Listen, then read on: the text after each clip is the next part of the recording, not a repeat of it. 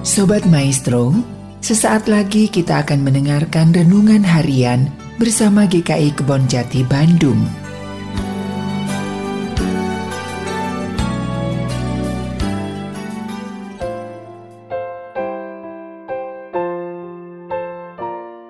Shalom, Bapak Ibu dan saudara-saudari yang terkasih dalam Tuhan Yesus Kristus. Bagaimana kabar hari ini? Semoga dalam keadaan baik dan sehat. Hari ini temanya adalah dipikir panjang. Terambil dari Efesus pasal yang kelima ayatnya ke-16 demikian. Dan pergunakanlah waktu yang ada, karena hari-hari ini adalah jahat. Pada suatu hari ada sepasang suami istri ingin pergi keluar untuk makan bersama. Ketika sang suami bertanya kepada istri, restoran mana yang mau dituju untuk makan bersama? Sang istri berkata, restoran A, makanannya enak, tapi mahal dan pelayanannya lama. Restoran B, makanannya kurang enak, tapi pelayanannya cepat. Restoran C, makanannya biasa-biasa saja, tapi tempatnya bagus dan seterusnya, seterusnya, seterusnya. Si istri berpikir, pikir, pikir terus dengan deretan argumen dan pemikiran-pemikiran yang masih terus berlanjut. Jam terus berjalan dari rencana berangkat dari rumah jam 11.30 sampai jam 3 sore, sang istri tidak bisa menentukan pilihan dan masih berkutat dengan pemikirannya. Akhirnya suaminya berkata, tidak jadi pergi makan keluar, makan yang ada saja, nasi dan telur ceplok. Bapak, Ibu, dan saudara-saudari, apakah kita suka berpikir panjang? Memang ada kalanya kita perlu berpikir matang-matang dan mempertimbangkan terlebih dahulu sebelum bertindak.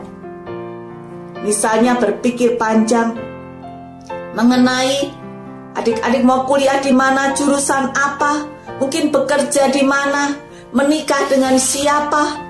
Tetapi ada juga hal-hal yang tidak perlu dipikir panjang. Karena akan ada banyak hal dalam hidup ini yang tidak akan bisa diselesaikan ketika semua kita pikir panjang. Misalnya, setelah mandi, saya mau pakai baju apa ya? Lalu, mau masak apa hari ini? Mau pergi ke mana akhir pekan? Mau naik apa kita ke tujuan A?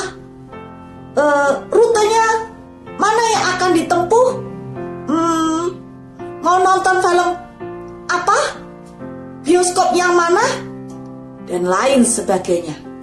Berpikir terlalu panjang untuk hal-hal tertentu yang seharusnya tidak perlu dipikirkan panjang-panjang sama seperti kita membuang waktu untuk hal-hal yang sia-sia seperti firman Tuhan dalam Efesus 5 ayat 16. Pergunakanlah waktu yang ada.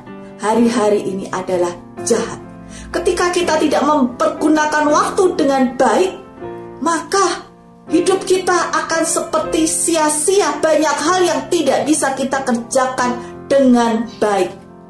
Biasanya orang yang berpikir panjang adalah orang yang takut salah, khawatir pilihannya tidak tepat, takut disalahkan, dan lain-lain. Ada juga tipe yang perfeksionis, ya.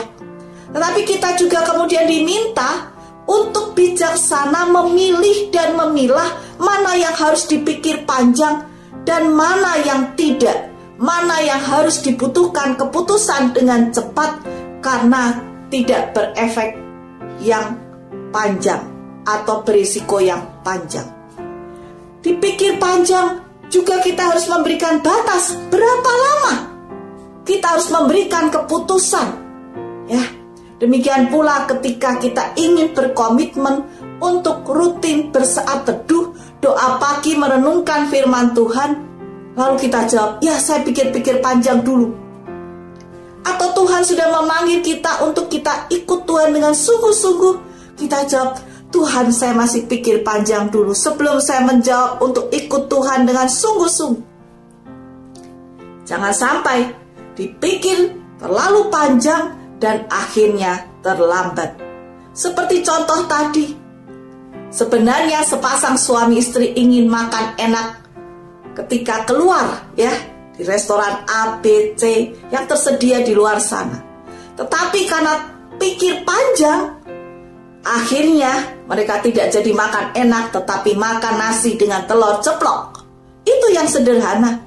Tetapi yang lebih parah kerugiannya apabila kita masih berpikir panjang untuk bertobat dan ikut Tuhan dengan lebih sungguh-sungguh.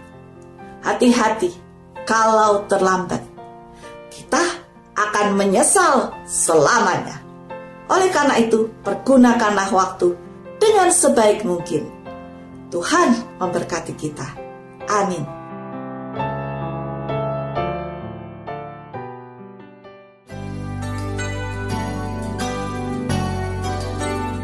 Sobat Maestro, baru saja Anda mendengarkan renungan harian bersama GKI Kebon Jati Bandung.